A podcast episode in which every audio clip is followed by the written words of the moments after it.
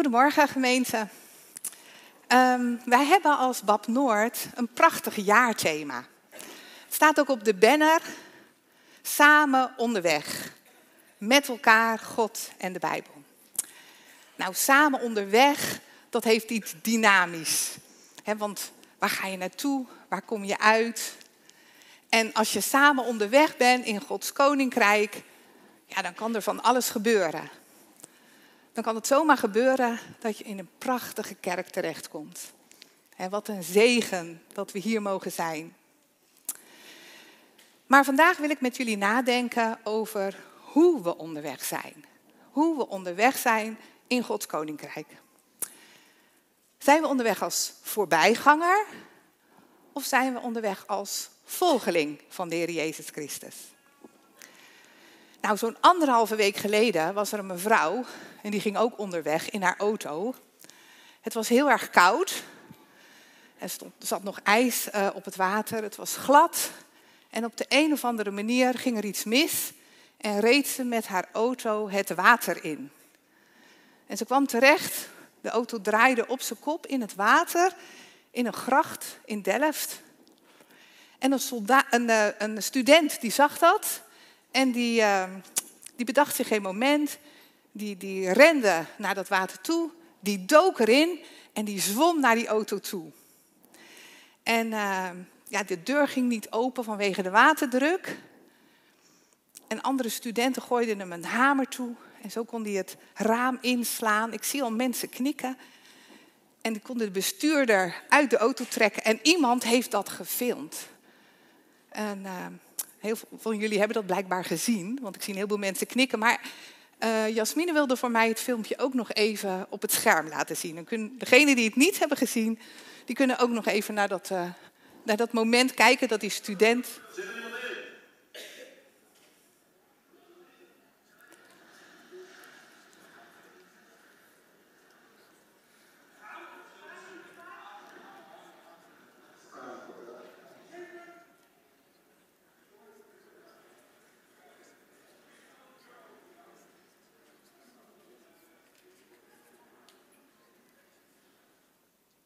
Ja, kort filmpje met de mobiel gefilmd.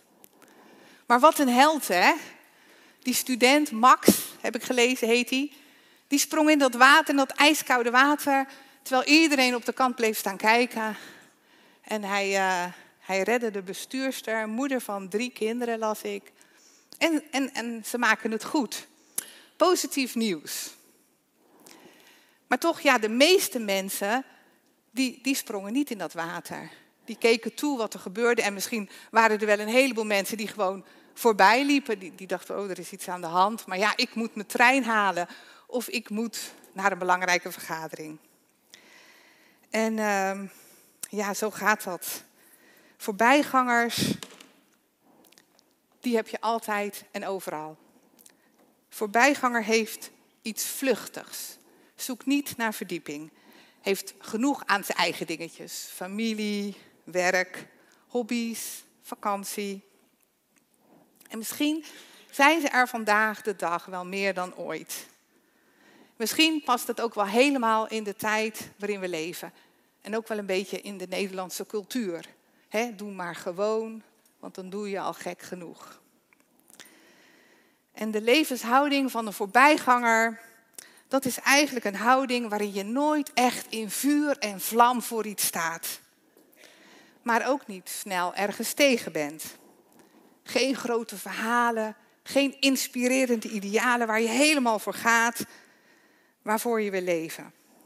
Maar gewoon een beetje lekker je eigen ding doen. En in de Bijbel kom je die mensen ook tegen. Ze horen niet bij de vurige volgelingen van de Heer Jezus maar ook niet bij de felle tegenstanders. Ze bevinden zich aan de zijlijn. Ze laten alles een beetje aan zich voorbij gaan. En er is iemand in de Bijbel die letterlijk een voorbijganger genoemd wordt. En zijn naam is Simon van Cyrene. En we komen hem tegen in het midden van het lijdensverhaal van de Heer Jezus. Jezus is op weg naar Golgotha om daar gekruisigd te worden. En er is maar één Bijbelvers aan hem gewijd. En we vallen midden in het verhaal. Zullen we lezen Marcus 15, vers 21.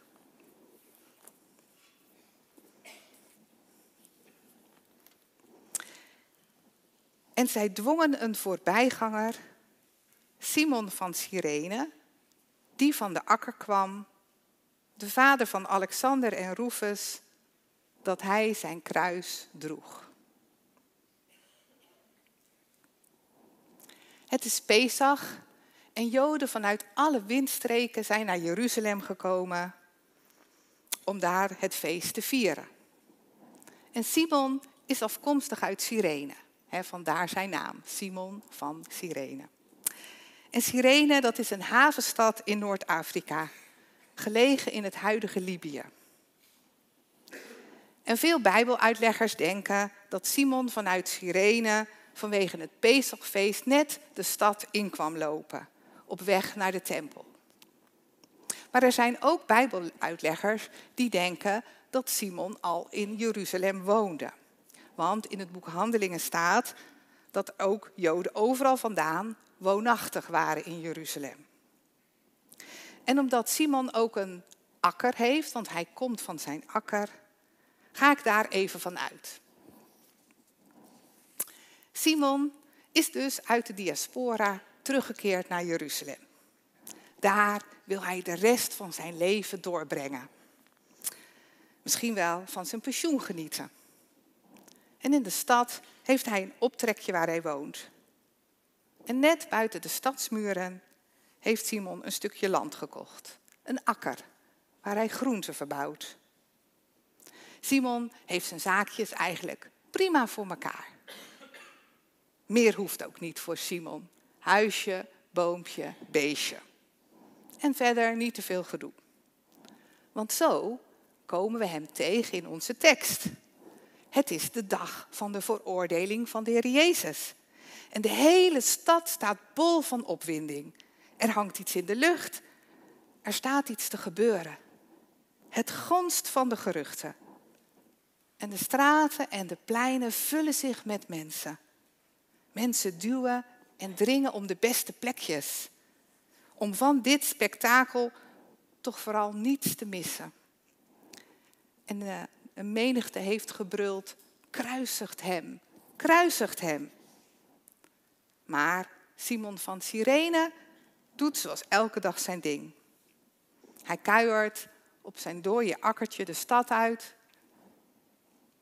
En uh, gaat hij naar zijn uh, stukje land om wat te schoffelen, wat te wieden, de plantjes water te geven. En als hij dan terugkomt en de stad weer inwandelt, dan passeert hij die stoet van soldaten, van woedende priesters, van huilende vrouwen, van schuwe discipelen. En Simon is van plan zich afzijdig te houden en er gewoon keurig langs te lopen. Eraan voorbij te gaan. Maar het loopt heel anders dan hij zich had voorgesteld. Voordat hij er erg in heeft, wordt hij ruw bij zijn schouders gegrepen. Wellicht zal Simon ook door zijn donkere huidskleur opgevallen zijn. Hé, hey, jij daar, hier komen en dat kruis dragen. Simon wil er niks van weten.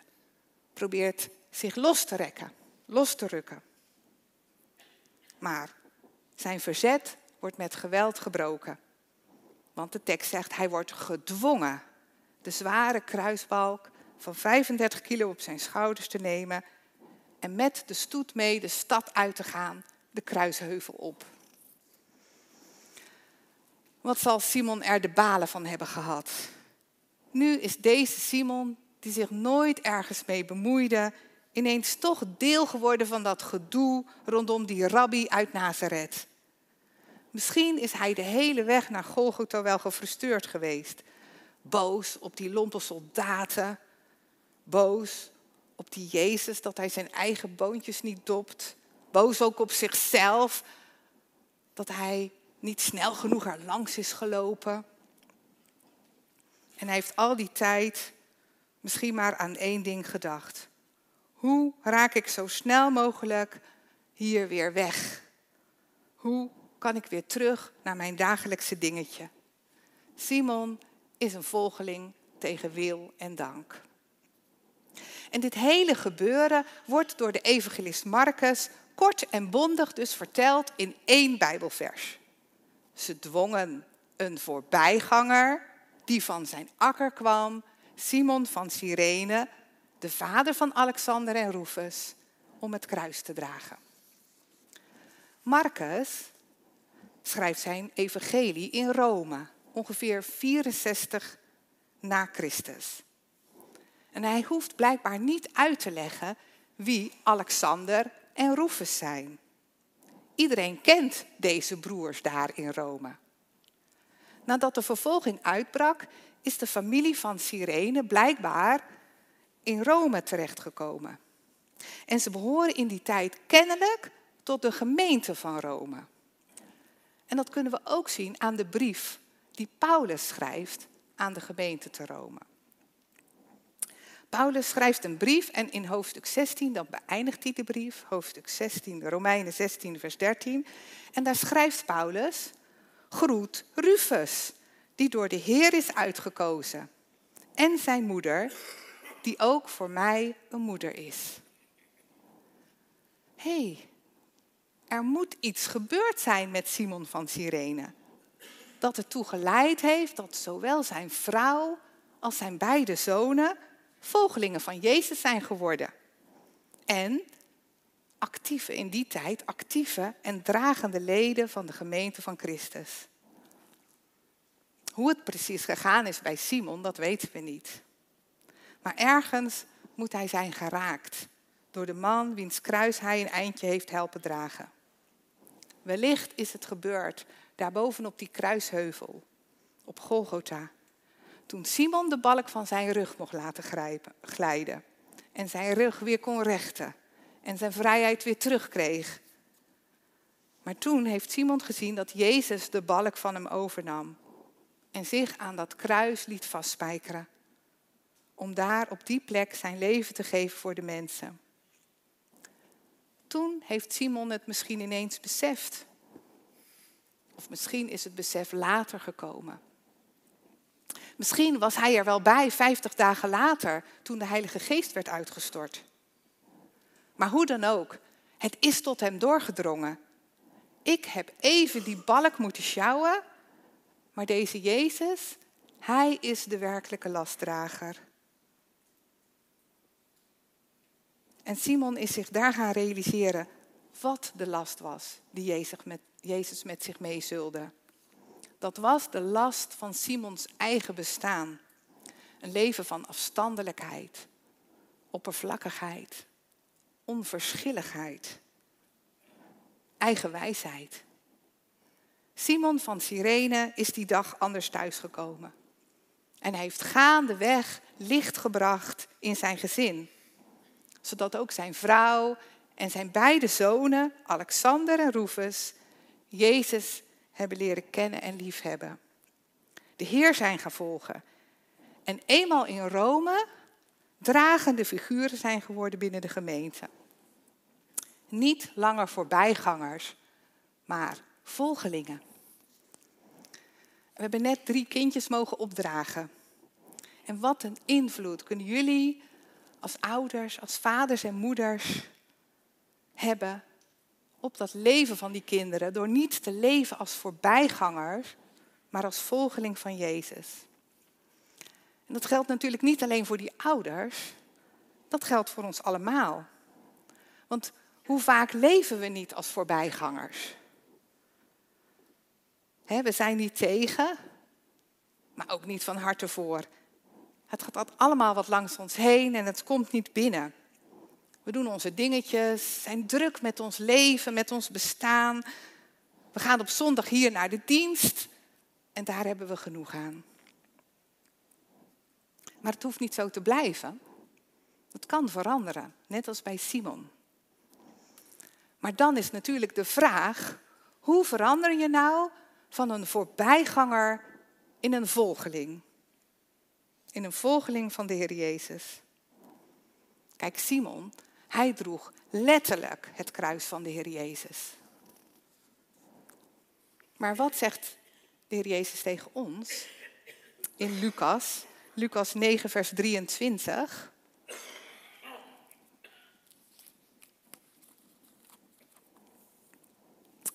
Daar zegt hij, Lucas 9, vers 23, zegt Jezus, wie achter mij aan wil komen, moet zichzelf verloochenen en dagelijks zijn kruis opnemen en mij volgen. Om dus van een voorbijganger een volgeling van de Heer Jezus te worden, moet je jezelf verloochenen en je kruis opnemen.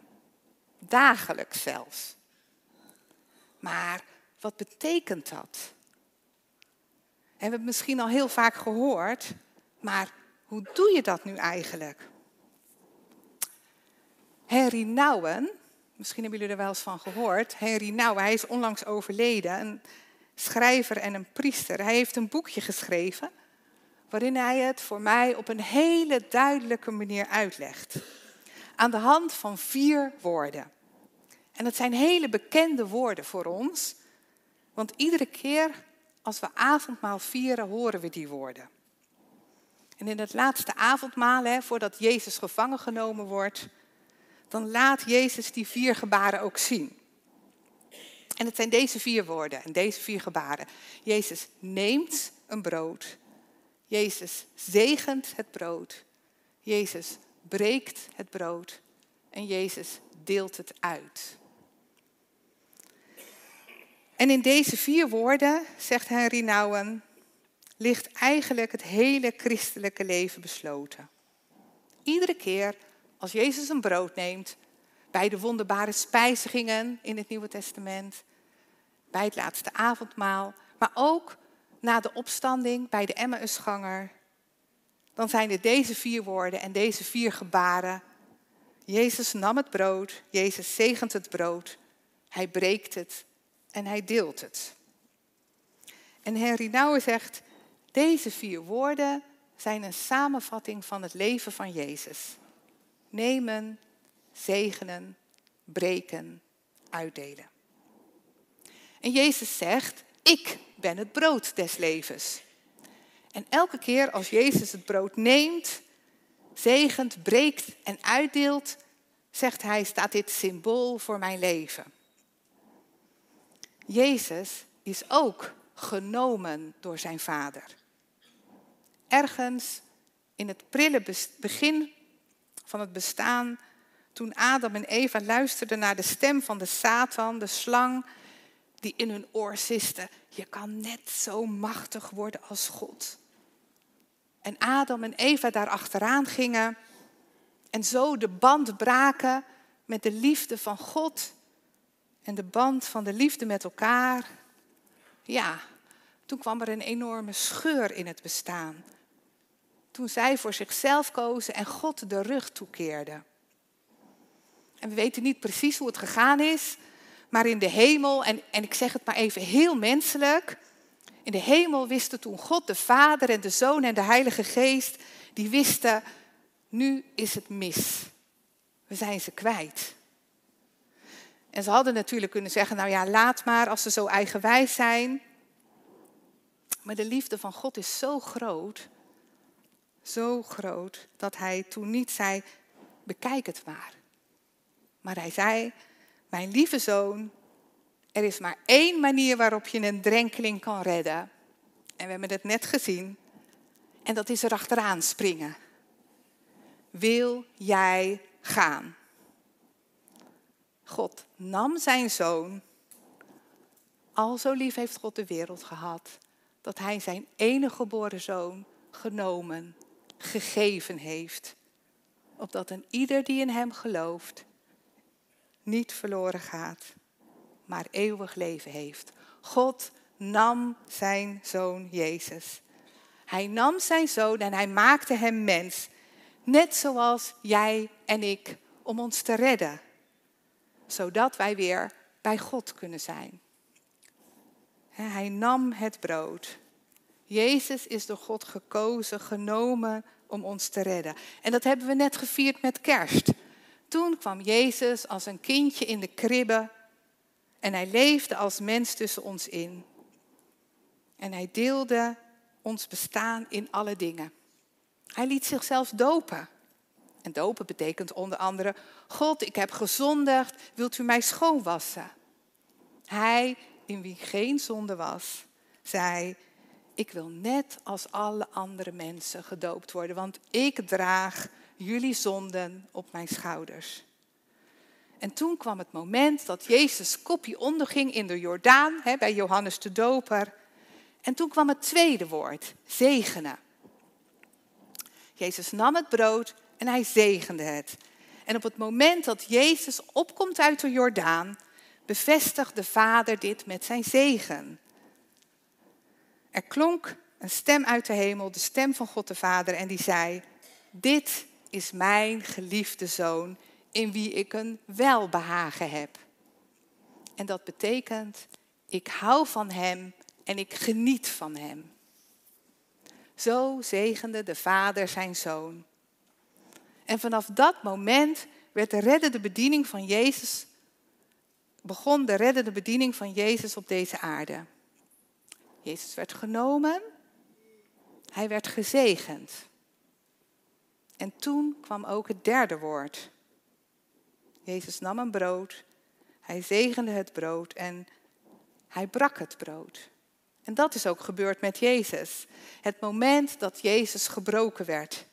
Jezus gaat lijden en sterven om onze zonde te betalen. Om het weer goed te maken tussen God en ons. Denk aan Jesaja 53, vers 5. Om onze zonde werd hij doorboord. Om onze wandaden werd hij gebroken.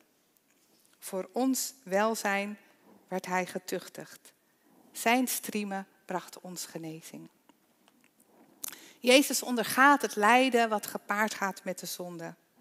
Hij ondergaat het lijden wat wij hadden moeten ondergaan. Hij laat zich breken door God. Dit is mijn lichaam dat wordt gebroken. Er blijft van mij niets meer over, omdat ik alles over heb voor jou. Filippenzen 2, vers 6. Hij die de gestalte van God had, hield zijn gelijkheid aan God niet vast, maar deed er afstand van. Hij nam de gestalte aan van een slaaf en werd gelijk aan een mens. En als mens verschenen heeft hij zich vernederd en werd gehoorzaam tot in de dood, de dood aan het kruis. Jezus heeft bewust tegen zijn vader gezegd: breek mij maar. Want alleen als Jezus gebroken wordt, kan hij gedeeld worden. En daarom moest hij sterven aan het kruis. Opdat een ieder die in hem gelooft, zijn volgeling kan worden. En de Heilige Geest en eeuwig leven mag ontvangen. Hij heeft betaald, het is volbracht. Dat heeft Simon van Cyrene ontdekt. En dat zijn de vier woorden die het leven van Jezus omvatten. Nemen, zegenen, breken, uitdelen. Maar, zegt Henry Nouwen erbij, het is niet alleen een samenvatting van het leven van Jezus, het is een samenvatting van iedere volgeling van Jezus. Wie achter mij aan wil komen, neem zijn kruis op en volg mij. Jullie zitten hier vandaag omdat God je uitgekozen heeft. God heeft jou op het oog. Je zit hier omdat Hij jou op een of andere manier geroepen heeft. Misschien door je opvoeding, je familie, via de liefde van je leven, via een alfacursus, of welke manier dan ook. Jij bent door God genomen, gekozen. Wat een genade. Hij houdt van jou. En van je buren en van de mensen in Alfa aan de Rijn. Maar jij, jullie? Jullie hebben zijn stem alvast gehoord. Jezus nam jou. En dan het tweede woord geldt ook voor jou, want ieder die door God genomen is, wordt door God gezegend. God zegt, jij bent mijn kind. Ik hou van jou en ik geniet van jou. ook vorige week zondag klonk het in de preek. En misschien heb je het al duizend keer gehoord. Maar laat het vanochtend nog een keertje tot je doordringen. God zegt vanmorgen tegen mij en tegen jou: Ik hou van jou en ik geniet van jou. Hij neemt je leven. Hij zegent je. Maar dan komt ook dat derde woord. Breken. Mag hij jou breken? Wil je echt bij hem horen? Niemand kan een volgeling worden van Jezus zonder door hem gebroken te worden. Een voorbijganger zegt, gekozen, gezegend, dank u wel Heer, maar verder wil ik wel eigenlijk mijn eigen dingetjes blijven doen. Een volgeling zegt, ja Heer, breek me maar. En wat betekent dat breken dan? Het betekent dat het niet meer om mij gaat, maar om Christus. Dat ik me trots naast me neerleg. Mijn eigen gelijk, mijn eigen wil. God vraagt aan jou en aan mij, mag ik jouw leven gaan veranderen? En het betekent dat je jezelf gaat verloochenen. En wat dat nou praktisch precies voor jou betekent, mag je in je eigen hart gaan onderzoeken. Misschien moet je ergens mee breken. Iets dat je afhoudt van de relatie met God. Dat je afhoudt van Bijbellezen of bidden. Misschien moet je juist iets doen. Je laten dopen. Iemand om vergeving vragen. Niet makkelijk. Maar dat is wat Jezus aan ons zegt en aan ons vraagt. Neem je kruis op, elke dag opnieuw. Want het is noodzakelijk voor het laatste woord. En dat is delen. Als je je door Jezus laat breken, dan gaat Hij je zoveel geven. Vreugde, vrede, liefde. Je krijgt andere prioriteiten. Je gaat anders leven anders met mensen om. Je gaat vrucht dragen. En je mag uitdelen van de overvloed die God jou gaat geven. De vraag is dus, denk daar even over na. Ben ik, ben jij daartoe bereid? Nemen, zegenen, breken, uitdelen. Net als Simon van Cyrene. Niet langer meer voorbijganger, maar volgeling van de Heer Jezus Christus. Zullen we even stil worden?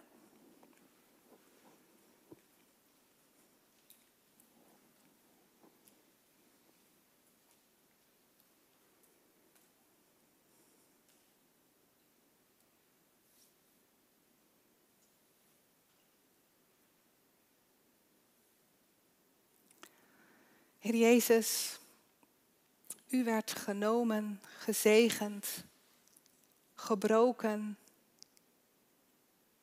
en uitgedeeld. Wat een wonder, Heer. Wat een wonder dat u zo naar ons toegekomen bent. Dat u Simon van Cyrene op het oog had, maar ook mij, ook ons. En u vraagt hetzelfde aan ons, Heer. U heeft ons gekozen, genomen, gezegend. En u vraagt aan ons, mag ik jou ook breken? En Heer, dat vinden we gewoon ontzettend moeilijk. Maar we weten, we verlangen er ook naar om bij u te horen. Help ons, Heer, om daartoe ook ons hart open te zetten voor wat U tegen ons zegt. En dank u wel, Heer, dat u de belofte erbij geeft. Dat u ons overvloedig zult geven om uit te delen. Heer, er is Om ons heen, waar we ook kijken. Zoveel verdriet, zoveel nood. We hebben van u nodig, uw liefde, uw blijdschap, uw vrede, uw genade. Raak onze harten aan, Heer. Maak ons bereid dat wij zeggen, ja Heer, we willen een volgeling worden van u. Dank u wel dat u het willen en het werken in ons bewerkt. Dat we het van u mogen verwachten. We prijzen u voor uw grote liefde. Voor ons, voor uw trouw. Dat u in het water sprong om ons te redden. We danken u wel, Heer, in Jezus' naam. Amen.